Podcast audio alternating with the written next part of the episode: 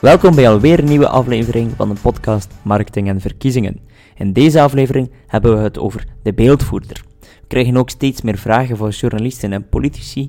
Wat is en wat doet de beeldvoerder? Dus in deze podcast daar wat meer informatie over, als we jullie kunnen helpen met uh, ja, extern werk omtrent de beeldvoerder, of jullie willen meer informatie hierover, dan mogen jullie mij altijd contacteren via reinoud.exposure.be. En nu alvast heel veel inspiratie gewenst. Welkom bij deze podcast. Vandaag hebben we het over de beeldvoerder. Reinoud, wat doet die beeldvoerder precies? Wel, de beeldvoerder is eigenlijk een, uh, ja, een alternatief, of misschien geen alternatief, maar een, uh, een bijkomstige job binnen de communicatieafdeling van vooral dan uh, politieke organisaties, politieke partijen, kabinetten.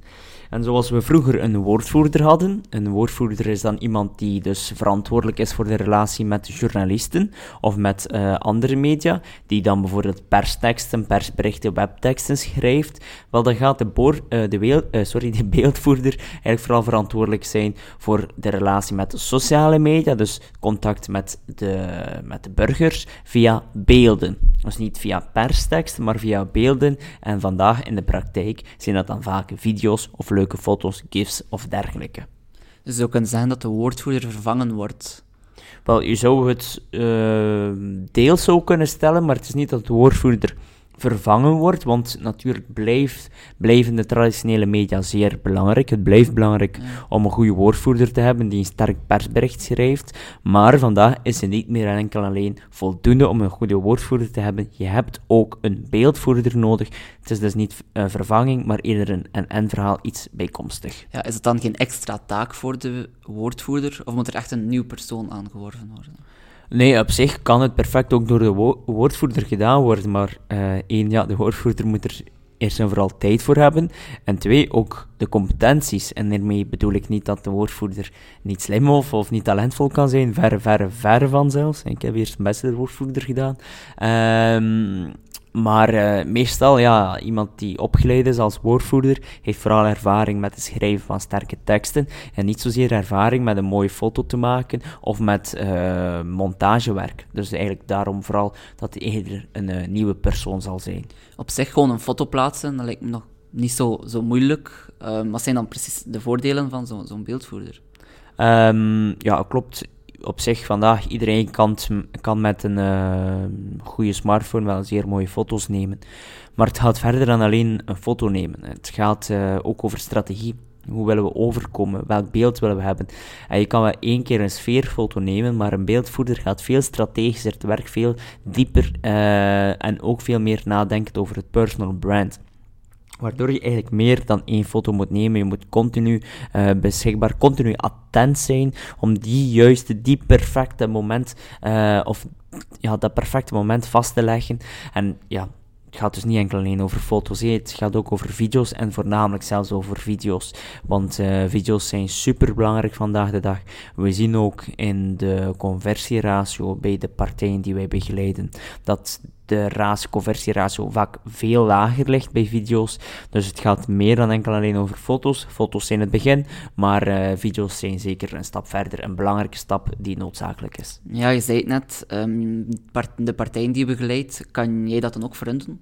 Ja, er is iets ook dat we heel regelmatig uh, effectief doen. Dan gaan we, als dat bijvoorbeeld voor een uh, burgemeester is of een um, schepen of een sterk oppositielid, dan, dan, dan kan het zijn dat we bijvoorbeeld een hele dag meelopen op, uh, laten we nu maar zeggen, de Pensenkermis of de, de carnavalstoet.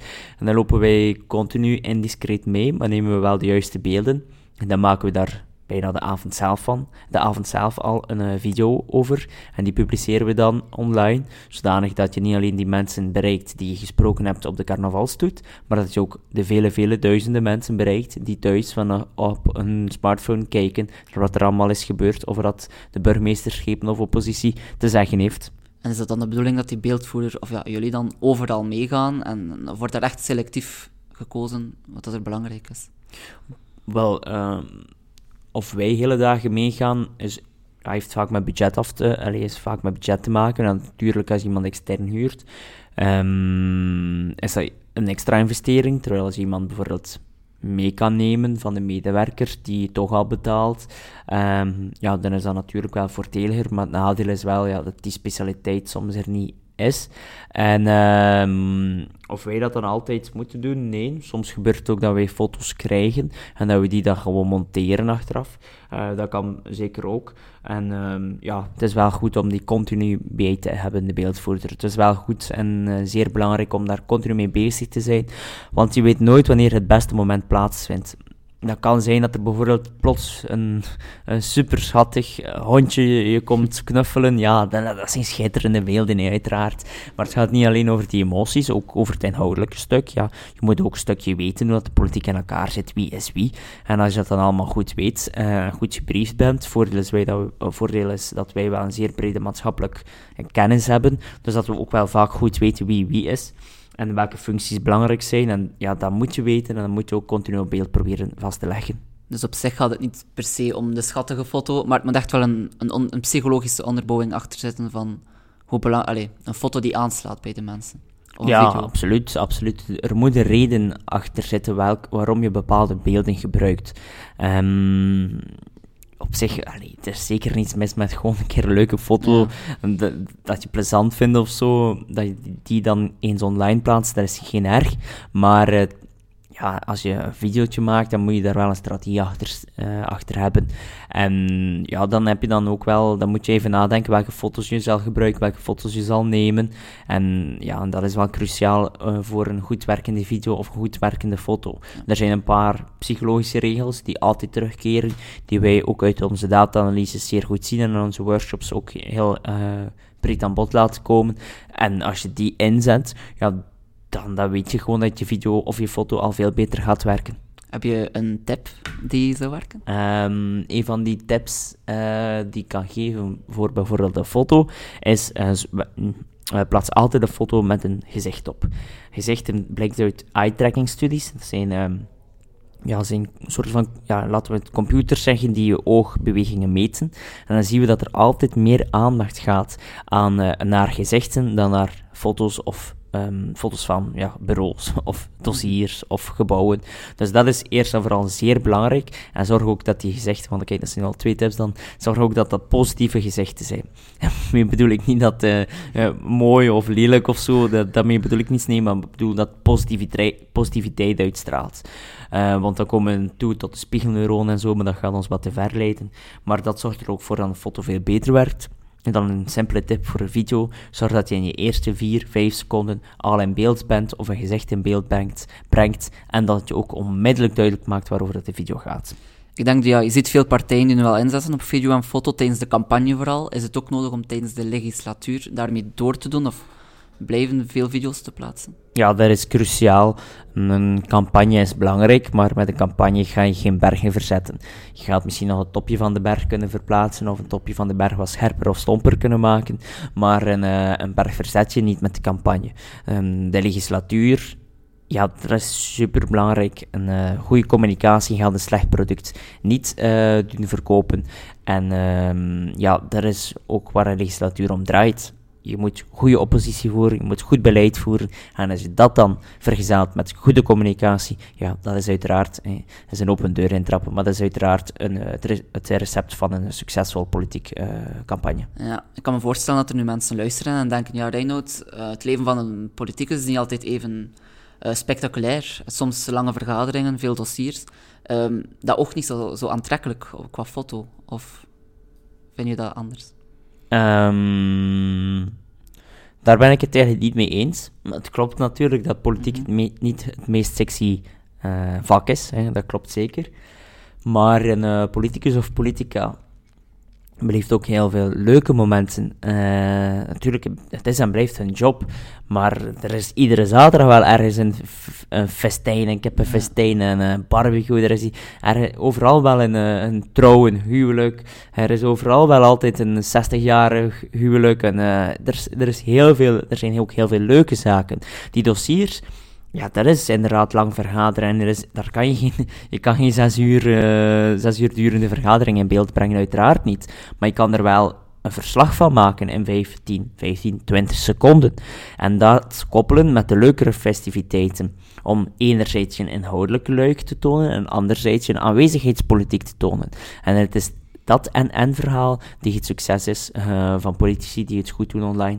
Ja, we zien tot nu toe dat vooral partijen in Nederland, Amerika, vooral in het buitenland zien we dat de beeldvoerder gebruikt wordt. Uh, hebben partijen in Vlaanderen ook een beeldvoerder, waar je van weet? Wel, um, twee jaar geleden uh, hebben wij, ja, zijn, we, zijn we gestart met workshops te geven over de beeldvoerder. Ook uh, een heel groot stuk gewijd aan de beeldvoerder in ons boek. En um, we merken wel dat politieke partijen vandaag de dag bijna allemaal een uh, beeldvoerder in dienst hebben. Of toch iemand die zich daar continu mee bezighoudt. Dus er is zeker heel veel progressie gebeurd de laatste jaren, de laatste maanden. En uh, op nationaal gebied zien we dat wel nog, maar waar zien we wel nog heel veel werk, dan is het op lokaal gebied. Ik begrijp uiteraard dat iemand in een uh, stad met misschien 5000 inwoners, ja, dat dat gewoon budgetair heel moeilijk ligt. Maar zeker in de centrumsteden is er nog ongelooflijk veel marge, maar dat ook daar zeer belangrijk. De burgemeester, de burgervader, dat die niet alleen het uh, persverhaal Um, ja, dat hij daar niet alleen mee bezig is, maar dat hij ook meer direct met de burger bezig is. En dat kan via een beeldvoerder, voor, zeker voor centrumsteden, voor grotere steden, middelgrotere steden, is er heel veel progressie nog. Is het belangrijk dat de beeldvoerder focust op, op je personal branding? Je hebt het net al een beetje gezegd, maar um, ik neem aan dat sommige politici denken van ja, mijn dochter kan een aantal foto's nemen. Um, maar ja, wordt dat dan geen los verhaal? Is het niet belangrijk dat er echt een strategie achter zit?